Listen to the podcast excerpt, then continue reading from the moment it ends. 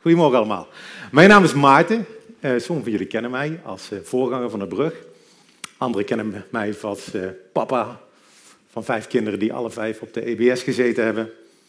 Nog anderen, ik zie wat collega's, kennen mij van ASML, waar ik projectleider ben. vandaag ben ik hier om in het Evoluon, Hanneke had het de vorige keer al over, wat een geweldig gebouw dat het is, om hier met jullie te spreken over het onderwerp waarom geloven. Waarom geloven? Want waarom zou je eigenlijk geloven? Kom op, het is 2018. We leven niet meer in de middeleeuwen. Heeft de wetenschap niet al lang alles verklaard? Is het niet tijd om, om je geloof eens een keer achter je te laten en in te ruilen voor iets, iets feitelijks, iets redelijks? God is toch al lang dood, stond op de timecover van 1966, al meer dan 50 jaar geleden. Ik denk dat heel veel collega's van mij bij ASML mij een, raar figuur vinden. Dat ben ik ook wel een beetje. Maar ook omdat ik geloof. In deze tijd, in Eindhoven, de stad van de technologie, in een bedrijf vol met wetenschap. Misschien denken ze, hé hey Maarten, dat is wel oké die gast. Hij maakt af en toe een slimme opmerking. Maar waarom die naar de kerk gaat, daar snappen we helemaal niks van. We snappen natuurlijk, sommige mensen hebben natuurlijk God nodig om, om dingen te verklaren. Of, of als kruk om door het leven te gaan. Maar jij? Je hebt toch natuurkunde gestudeerd? Waarom ben jij christen? Waar is het misgegaan met jou? Ik snap die vraag. Ik snap die vraag heel goed. Ik ben niet altijd christen geweest. Ik ben opgegroeid in een gezin waar we soms naar de kerk gingen. Misschien twee keer per jaar, Pasen, Kerst. De mis, de katholieke mis, leek mijlen ver af te staan van mijn dagelijkse werkelijkheid waar ik in leefde. Het waren twee aparte werelden. Het mystieke op zondag en de rest van de week. Het rationele. Maar het is juist in de tijd van mijn studie dat ik overtuigd ben geraakt van het christelijk geloof. Ik ben overtuigd geraakt dat Jezus niet gewoon een leraar was. Dat hij niet zomaar een wijze man was die hier op aarde gelopen heeft. Maar dat hij de zoon van God is. En daar wil ik het met jullie over hebben vanochtend. Omdat dit niet alleen de kern is van het christelijk geloof. Maar dat het ook mijn leven totaal veranderd heeft. Het heeft diepgang gegeven. Verwondering. Ik waardeer schoonheid. Ik ervaar muziek heel anders dan vroeger. En ik was bezig met de voorbereiding en ik moet eerlijk zeggen, de voorbereiding viel mij tegen. Dat zei ik vanochtend ook al. Um, ik heb drie versies geschreven. Ik was al bang dat ik vannacht nog wakker zou worden en dat God nog iets anders op mijn hart zou leggen, dat ik weer iets anders moest delen. Heeft hij niet gedaan, gelukkig. Ik had mooie verhalen over de oorsprong van het heelal. Big Bang. Over, over hoeveel informatie er in DNA zit. Over ontwerp. Als je kijkt naar het menselijk oog of menselijk oor. Allemaal dingen die voor mij overtuigend laten zien dat er meer is tussen hemel en aarde. Dat dingen niet zomaar ontstaan. Dingen die zelfs een heleboel mensen overtuigd hebben. Maar mijn eerste versie van mijn preek duurde twee uur. En dat ging alleen maar hierover. En ik denk, ja, weet je wat, ik heb het allemaal weggegooid. Maar ik wil nog wel één citaatje delen wat ik tegenkwam. Eén citaatje. En dan mag je mee doen wat je wil. Een citaat van een meneer Anthony Flew. Ik weet niet of je wel eens van hem gehoord hebt. Hij is de atheïst van de 20e eeuw. Hij is zeg maar wat, Richard Dawkins, als je die naam wat zegt, voor nu is, was hij vorige eeuw. En hij heeft allemaal boeken geschreven en allemaal filosofieën bedacht dat God niet bestond. Is zijn leven aan gewijd. In zijn museum, hè, als we het over het museum hebben, staan allemaal boeken met waarom God niet bestaat. Hij is in 2010 is hij overleden op 87-jarige leeftijd. Maar in 2004 werd hij geïnterviewd en toen zei hij iets heel bijzonders. Hij zei het volgende. Hij zei, ik geloof in God. Want er zijn twee factoren die voor mij bijzonder doorslaggevend waren. De eerste was mijn groeiende instemming met het inzicht van Einstein en andere grote wetenschappers dat er een intelligentie achter de complexiteit van het stoffelijk universum moet zitten. Er zit intelligentie achter het heelal. En de tweede was mijn eigen inzicht. Dat de complexiteit van het leven zelf, DNA, alles, dat veel ingewikkelder is dan het stoffelijk universum, alleen verklaard kan worden in termen van een intelligente bron. Het was het bewijs zelf dat mij tot die conclusie geleid heeft. Hij heeft toen een boek geschreven. Er is een God. Met woordje geen doorgestreept en een erboven in het Engels. En iedereen zei, die man is seniel geworden. Die man is dement geworden. Die arme kerel op zijn 83-jarige leeftijd, hij, hij is van padje af. Hij zei, dat is helemaal niet waar. Het bewijs leidt mij hier naartoe. Wetenschap is zeker niet in tegenspraak met geloven. En je hoeft vanochtend niet je hersenen bij de deur in een bakje te doen en hier te gaan zitten en naar mooie muziek te luisteren. De uitnodiging vanochtend is gebruik je verstand. Gebruik die hersenen. Volg het bewijs, wat Anthony Flew zei. En kijk waar het naartoe leidt. Wat ik met jullie over wil hebben vanochtend. Over waarom we geloven. Ik heb erover nagedacht. Is, wat is nu de kern? Wat is nu de kern van het christelijk geloof? Weet niet of je daar wel eens over nagedacht hebt. Wat de kern is van het christelijk geloof. En volgens mij is dat de opstanding van Jezus. Als Jezus niet is opgestaan uit de dood, is mijn geloof totaal zinloos. Dan sta ik hier mijn tijd voor doen, had ik mijn weekend beter andere dingen kunnen doen, had ik gisteren lekker PSV kunnen kijken. Is mijn geloof totaal zinloos. Dan zijn we hier hele rare dingen aan het doen. Maar als hij wel opgestaan is uit de dood, en als je daarvan overtuigd zou raken, wat zou dat dan betekenen voor je leven? Want dat betekent dat de dood niet het laatste woord heeft. Dat betekent misschien dat, dat wonderen bestaan. Laten we mee eens zijn dat als iemand uit de dood opstaat, dat dat heel bijzonder is. Dat dat een wonder is. Als hij opgestaan is uit de dood, dan leeft hij misschien vandaag nog. En nog duizend andere dingen volgen daaruit. Paulus, Paulus was een man die, die leefde 2000 jaar geleden en heeft allemaal kerken gestart. Net zoals hij stadskerken startte, is hij in Europa en in Azië en Midden-Oosten heeft hij allemaal kerken gestart. En daar schreef hij brieven mee. Een aantal van die brieven zijn bewaard. En in een van die brieven in de kerk in Griekenland, in Corinthië, schreef hij dit. Hij schreef, als Christus niet is opgewekt, dan is onze prediking zonder inhoud. En zonder inhoud is ook uw geloof. En dan blijken we zelfs valse getuigen te zijn. Dan zijn we leugenaars van God. We hebben namelijk van God getuigd dat hij Christus heeft opgewekt. Terwijl hij die niet heeft opgewekt, als inderdaad de doden niet opgewekt worden. Als de doden niet opgewekt worden, is ook Christus niet opgewekt. En als Christus niet opgewekt is, is uw geloof zinloos. Tijdverspilling. Niet doen. Dus dit is voor mij de kern van het christelijk geloof. Is Jezus wel opgestaan uit de dood? Of is hij niet opgestaan uit de dood? En hoe kunnen we dat zeker weten? Want je kan natuurlijk wat blind aannemen. Misschien je geboren in een gezin waar dat geroepen werd. Ja, oh, heel mijn leven heb ik dat gehoord, dus het zal wel waar zijn. Je kan ook gehoord hebben van iemand, je hebt aangenomen. En is het inderdaad een kwestie van je hersenen uit en de kerk in? Of heb je hier ook bewijs voor? Heb je hier overtuigend bewijs voor dat het aannemelijk maakt dat die opstanding is gebeurd? Ik wil vanochtend van jullie zeven redenen, er zijn er veel, zeven redenen pakken waarom ik overtuigd ben en nog steeds overtuigd ben dat Jezus is opgestaan uit de dood. En ik wil je uitnodigen, denk met me mee vanochtend. Kijk waar het bewijs naartoe leidt. Mijn eerste punt is Jezus heeft bestaan. En dan moet je beginnen. Want als Jezus niet heeft bestaan, is hij ook niet dood gegaan, is hij ook niet opgestaan. En dat klinkt als een open deur, want bijna iedereen op deze hele wereld is ervan overtuigd dat Jezus een persoon is geweest die 2000 jaar geleden rondgelopen heeft. Er is geen enkele geschiedschrijver in de wereld die een publicatie heeft geschreven die er tegenin gaat. Niemand. Dat durft niemand. Maar we hebben natuurlijk het internet. En het internet staat vol met theorieën over dat Jezus niet bestaan heeft. Maar er is heel veel over hem geschreven. Niet alleen in de Bijbel. En misschien vindt de Bijbel al een verdacht boek, want dat komt altijd uit die kerken. Maar ook Griekse en Romeinse mensen, zoals Josephus, Tacitus, hebben geschreven over Jezus.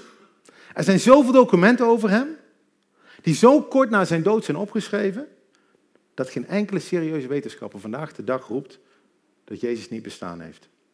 Behalve natuurlijk op het internet. Nou, dan moet je vooral lezen op het internet. Um, moet je ook kijken wat de papieren zijn van die mensen die, die daarover schrijven. Dat is een van de Duitse professor die schrijft over geschiedenis. Dat mag hij doen. Maar zoek maar naar een geschiedkundige die hierover schrijft. Jezus heeft bestaan. En dan zijn er veel verhalen over hem. Over zijn karakter. Over de dingen die hij gedaan heeft. Hij heeft hele rare dingen gedaan, hè? Als je de verhalen leest. Vijfduizend mensen eten gegeven met een paar broodjes, dat kan helemaal niet. Mensen genezen. Ach, die mensen waren 2000 jaar geleden, die waren allemaal niet zo slim. En toch zijn veel mensen, hebben veel mensen een mening, ook als ik met collega's praat, ook als ik met familieleden praat, dat Jezus een wijs man was. Een goede leraar. En dan vraag ik me af, waarom? Waarom denk je dat Jezus een goed man is?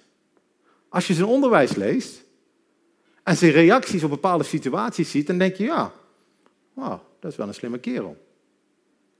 Maar als je doorleest, dan kom je hele rare dingen tegen. Jezus zei dat hij zonder zonde was. Nou, kan je voorstellen dat ik vandaag na de dienst naar huis ga en ik zeg tegen mijn gezin, ik ben zonder zonde. Dan moeten mijn kinderen zeggen, die lachen, lachen mij hard uit. Die kunnen boeken volschrijven van alle dingen die ik raar doe in mijn leven. Echt waar. En nog erger dan het statement dat hij zonder zonde was, zegt hij dat hij God was. Daar werd hij uiteindelijk voor vermoord. Voor die claim dat hij God was. Wijze mensen zeggen dat niet. Wijze mensen roepen niet dat ze God zijn. Wijze mensen komen met goed onderwijs, maar niemand roept dat ze, naar, dat ze God zijn. C.S. Lewis, een, een heel bekend iemand misschien, die heeft boeken geschreven van Narnia, die schreef dit al uh, op een tijd geleden. Hij zei, ik probeer te voorkomen dat iemand de werkelijk dwaze uitspraak doet die mensen vaak over hem doen. Ik ben bereid om Jezus te ervaren als een groot moreel leraar en ik ervaar zijn bewering, maar ik ervaar zijn bewering niet dat hij God is. Dat is de ene uitspraak die we niet kunnen doen. Een man die niets meer was dan slechts een man, maar het soort dingen zei dat Jezus zei, zou geen groot moreel leraar zijn. Hij zou of gek zijn, op het niveau van een man die beweert een gekookt ei te zijn, of hij is de duivel van de hel. Je moet een keuze maken. Of deze man was en is de zoon van God, of hij was een gek, of iets ergers. Je kan hem opsluiten als een idioot, je kan hem naar hem spugen en hem als een demon opsluiten, of je kan aan zijn voeten neervallen en hem Heer en God noemen. Maar laten we niet beginnen met die neerbuigende onzin dat hij een groot menselijk leraar was. Die, hij heeft die optie niet voor ons opengelaten. Dat was niet zijn bedoeling. Weet je, als iemand vandaag in Eindhoven roept dat hij God is, dan komen de man in de witte pakken en dan zit je op de grote beek. Dat gebeurt er. Jezus claimde dat hij God was en mensen geloofden hem. En hoe kan je dat verklaren? Dat een wijs iemand dit doet. En Lewis zegt, je mag hem gek noemen, je kan hem een oplichter noemen, dat hij bewust mensen aan manipuleren was, maar niet een wijze leraar. Dus Jezus heeft bestaan. Jezus zei rare uitspraken. Hij zei dat hij God was. En is daarvoor uiteindelijk aan een kruis genageld. Voor we kunnen praten over de opstanding van Jezus, moet hij ook doodgegaan zijn. En dat is mijn derde punt. Jezus is doodgegaan.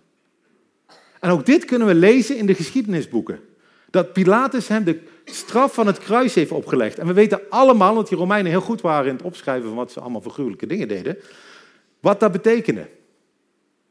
Misschien ken je de films. Jezus werd geslagen, gegezeld.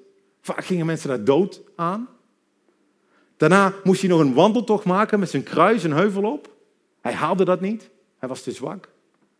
Daarna hebben ze hem aan een kruis gehangen. De soldaten die daarbij stonden, die Romeinse soldaten, waren professionals. Dat deden ze vaker in de week. Ze hadden methoden uitgevonden om mensen wat sneller dood te laten gaan, bijvoorbeeld door de botten te laten breken. Maar ze vonden dat in dit geval niet nodig. Ze waren overtuigd ervan dat Jezus dood was.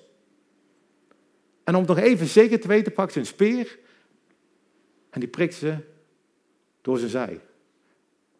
En er kwam water uit. En er kwam bloed uit. En waarschijnlijk hebben ze de, de hartzak van hem geraakt. En is die kapot gegaan.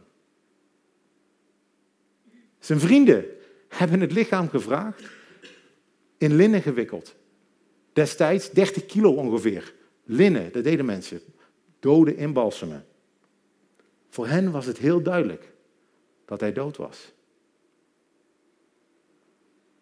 En vervolgens, vervolgens werd zijn lichaam begraven op een bekende plek.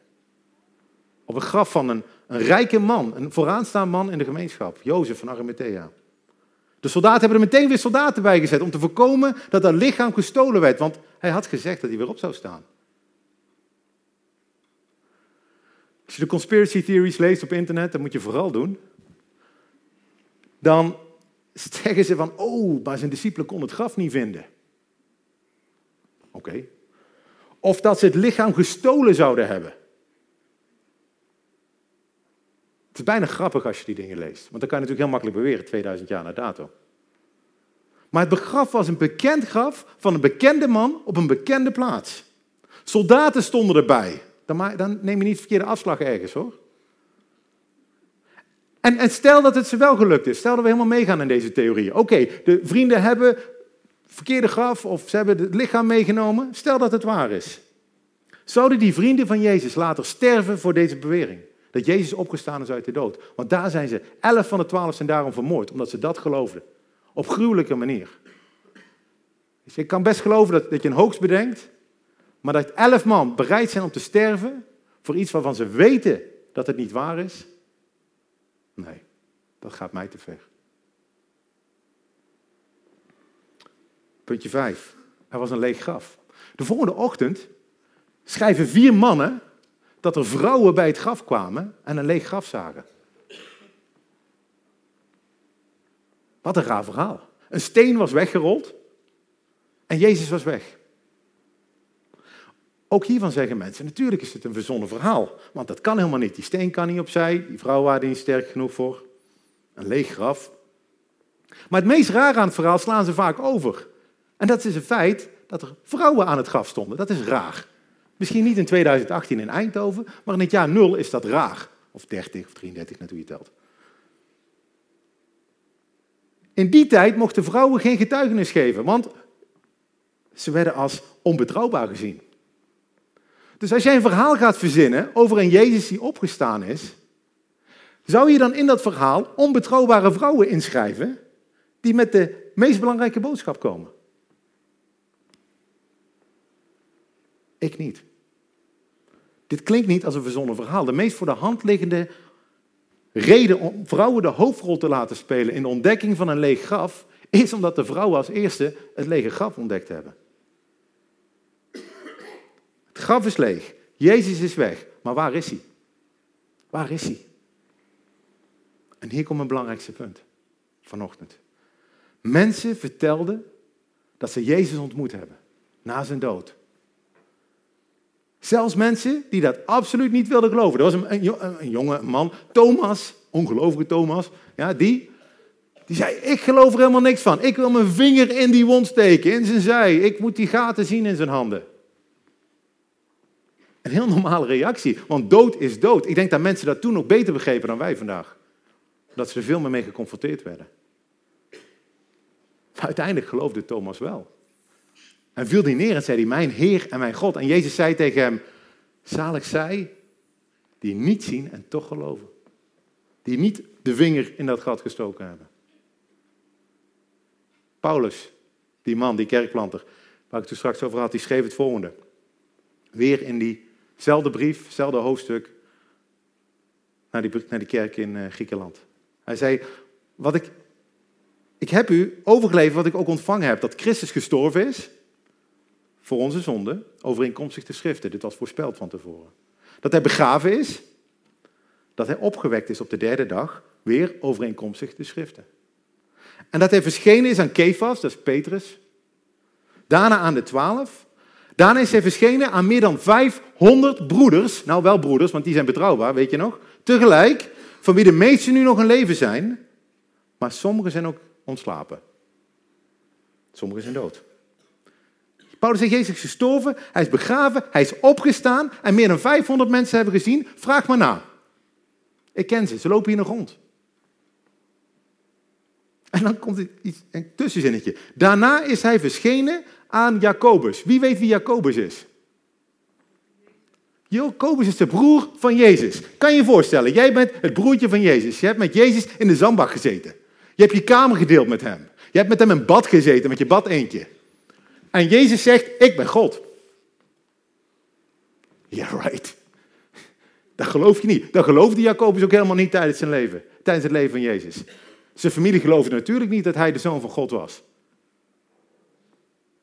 Maar na de dood van Jezus is Jacobus overtuigd geraakt dat zijn broer de zoon van God is.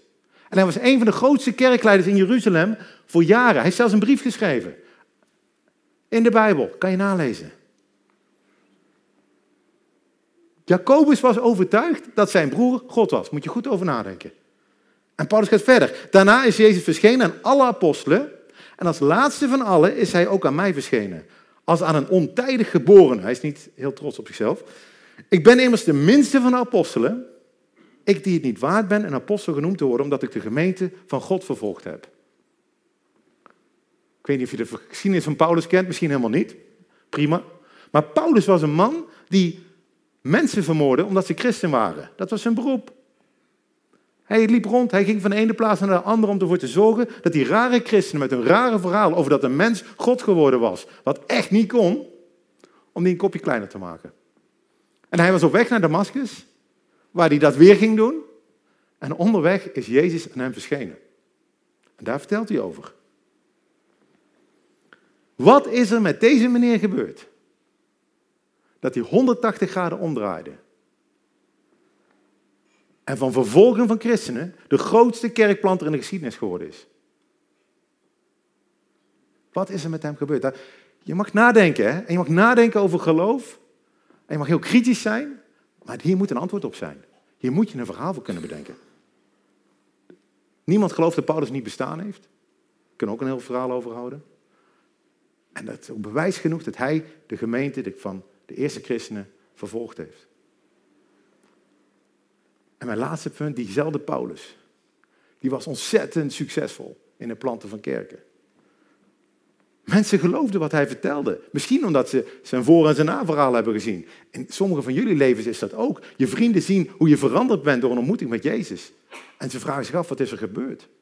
Bij mij ook gebeurd. Dat mensen zeggen, hey, wat is er hier met jou gebeurd, Maarten? En die gaan het onderzoeken. Ik kwam een brief tegen toevallig van een, van een meneer, Plinius de Jonger. Ik denk niet dat ik hem helemaal gelezen heb, maar een stukje. Hij zei van, als, als ik die christenen vroeg van of ze christen waren, dan zeiden ze ja. En dan herhaalde ik de vraag nog een keer en nog een keer. En dan zei ik, eh, pas op, want als je nou ja zegt, dan ga ik jou heel veel pijn doen.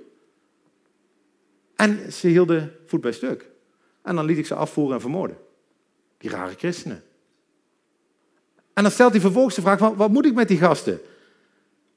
En dan, dan schrijft hij in deze brief hè, naar een of andere meneer. Hij zegt, er lopen een heleboel mensen gevaar dat ze bij deze secte komen. Vele immers, van alle leeftijden, van alle rangen en standen, van beide seksen, mannen en vrouwen, worden reeds in opspraak en daarmee in gevaar gebracht. Deze verderfelijke besmetting, en dan heeft hij het over christelijk geloof, heeft zich niet alleen verspreid in de steden, maar ook in de dorpen en in de boerenbedrijven. Toch denk ik, en hij is heel optimistisch, dat we deze zaak nog kunnen keren en corrigeren. Weet je, we zijn 2000 jaar verder. Ik denk uit deze zaal dat uh, misschien minder dan tien man ooit van Plinius de Jongere gehoord hebben. En dat iedereen in deze zaal wel eens over Jezus gehoord heeft. Die mensen waren besmet. We kunnen de zaak nog wel keren, maar dat is niet gelukt. Binnen twintig jaar vormden de christenen een bedreiging voor het Romeinse Rijk. Binnen een paar honderd jaar was het christendom de religie van het Romeinse Rijk. Het christendom heeft het Romeinse Rijk overwonnen. En 2000 jaar later staan we hier in deze zaal, in een Evoluon, met mannen en vrouwen die zichzelf volgelingen van Jezus noemen. Ik ben er één van. En dat zullen we blijven roepen, omdat we de opgestane Jezus hebben mogen ontmoeten in ons leven. En hij heeft ons leven veranderd ten goede. Hoe verklaar je dat? Zeven punten.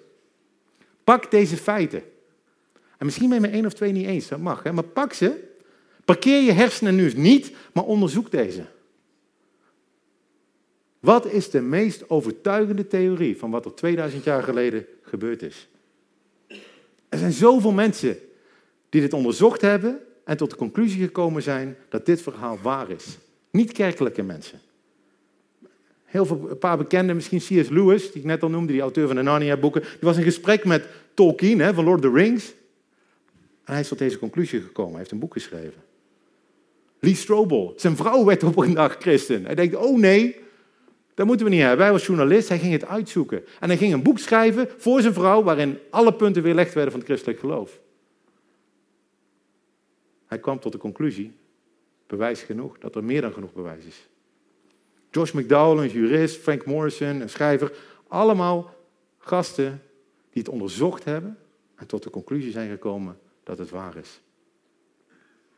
Nou, misschien is dit al, ja, hoe noem je dat, oude koek voor je, dit wist je al. Je kwam hier binnen, je geloofde in Jezus en je loopt nou weg en je gelooft nog steeds in Jezus. Misschien ben je in slaap gevallen, zeven punten is veel. Uh, maar mijn vraag aan jou is, heb je dit bewijs gevolgd? Heb je dit zelf onderzocht? Niet Maarten, niet Josh McDowell, niet C.S. Lewis. Heb je zelf ooit dit onderzocht? En kan je dit communiceren naar de mensen om je heen? Want ik merk steeds meer in mijn omgeving dat er heel veel christenen zijn die zeggen: Ik geloof in Jezus, want ik ben zo blij en hij leeft in mijn hart. Ja, dat helpt niet, Bazemel. Echt niet. Dat helpt niet. En als je zegt, ik ben christelijk opgevoed, dan zeg ik, ja, natuurlijk, oké, ja. Wat jammer voor je. Dat is niet overtuigend genoeg. Verdiep je in wat je gelooft. En probeer het op een liefdevolle manier te communiceren naar de mensen om je heen. Maar ik hoop dat hier niet alleen maar christenen zitten. Het doel van Stadskerk is om niet-kerkelijke mensen te bereiken. Als je hier zit en je bent op zoek, en je bent op zoek naar waarheid. Welke verklaring heb jij voor deze zeven punten? Wat ga je hiermee doen vandaag? Accepteer je dit? Of wijs je het af? Misschien ben je helemaal niet zo ver. Maar ga je het dan verder onderzoeken? Of ga je weg vandaag? En vergeet je alles wat ik net gezegd heb? Parkeer je hersenen niet bij de deur. Durf je het bewijs te volgen waar het naartoe gaat? Waarom zou je geloven? Ik heb geprobeerd te laten zien dat geloven veel meer is dan een blinde stap, maar dat het een stap is in geloof op basis van feiten, van historische waarheid. De reden dat ik geloof, en waarom zou je geloven, is wat christelijk geloof waar is. Jezus is opgestaan uit de dood. Hij heeft de dood overwonnen.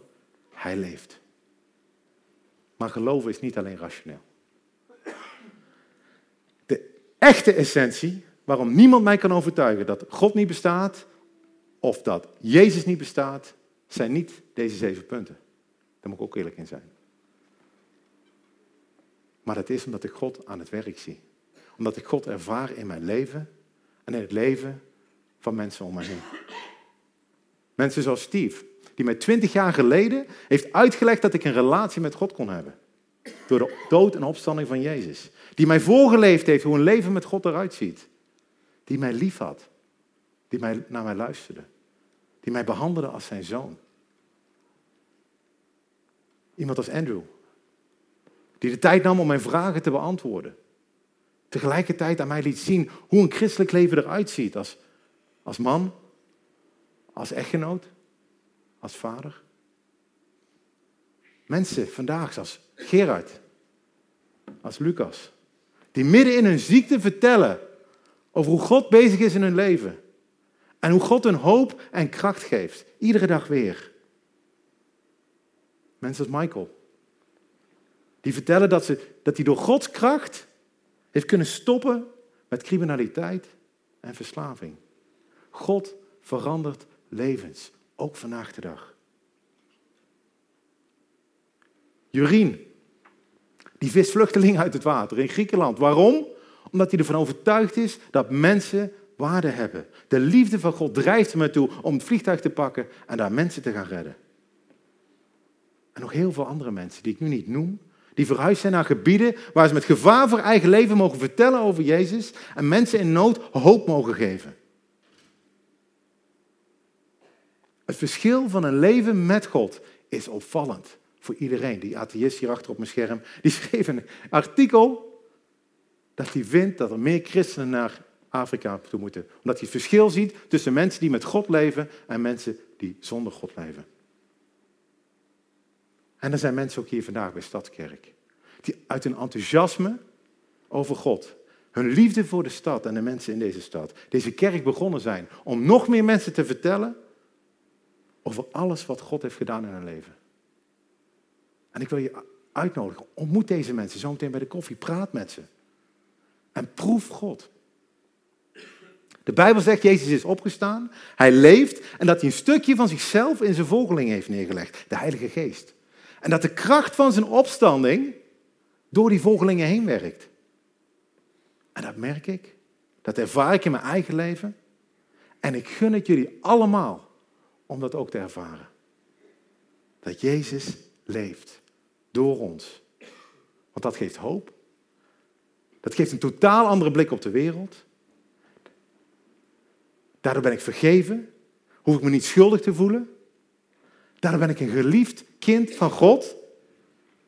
Omdat ik weet dat Hij mij zo lief had dat Hij zelfs zijn zoon Jezus gegeven heeft. Dat ik niet verloren ga, maar eeuwig leven heb nu al.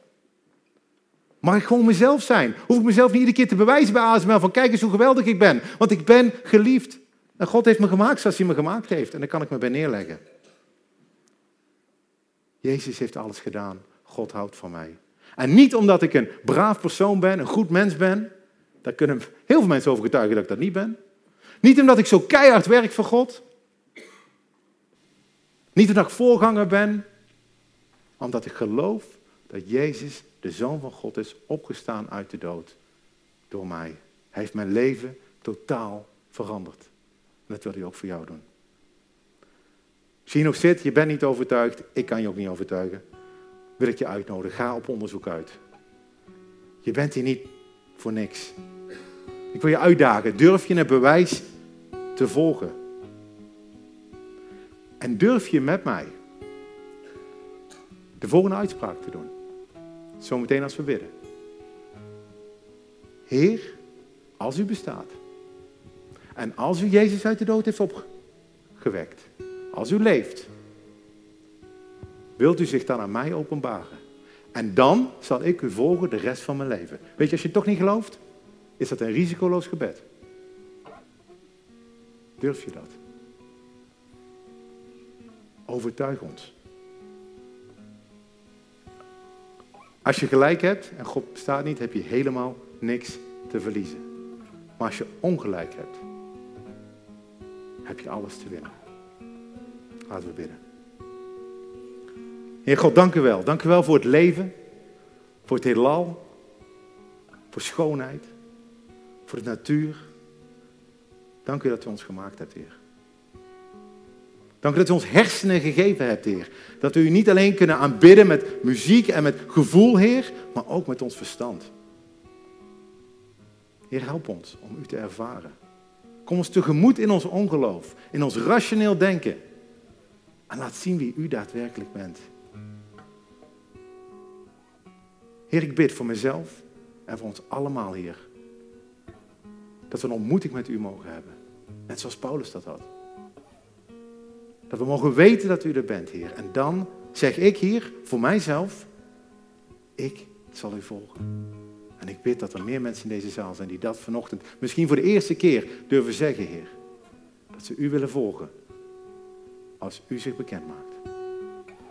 Heer, dank u dat u leven geeft, dat u liefde geeft, dat u hoop geeft, dat u zelfs de adem in onze longen vanochtend aan ons geeft, waarmee we nu mogen zingen. Groot bent u,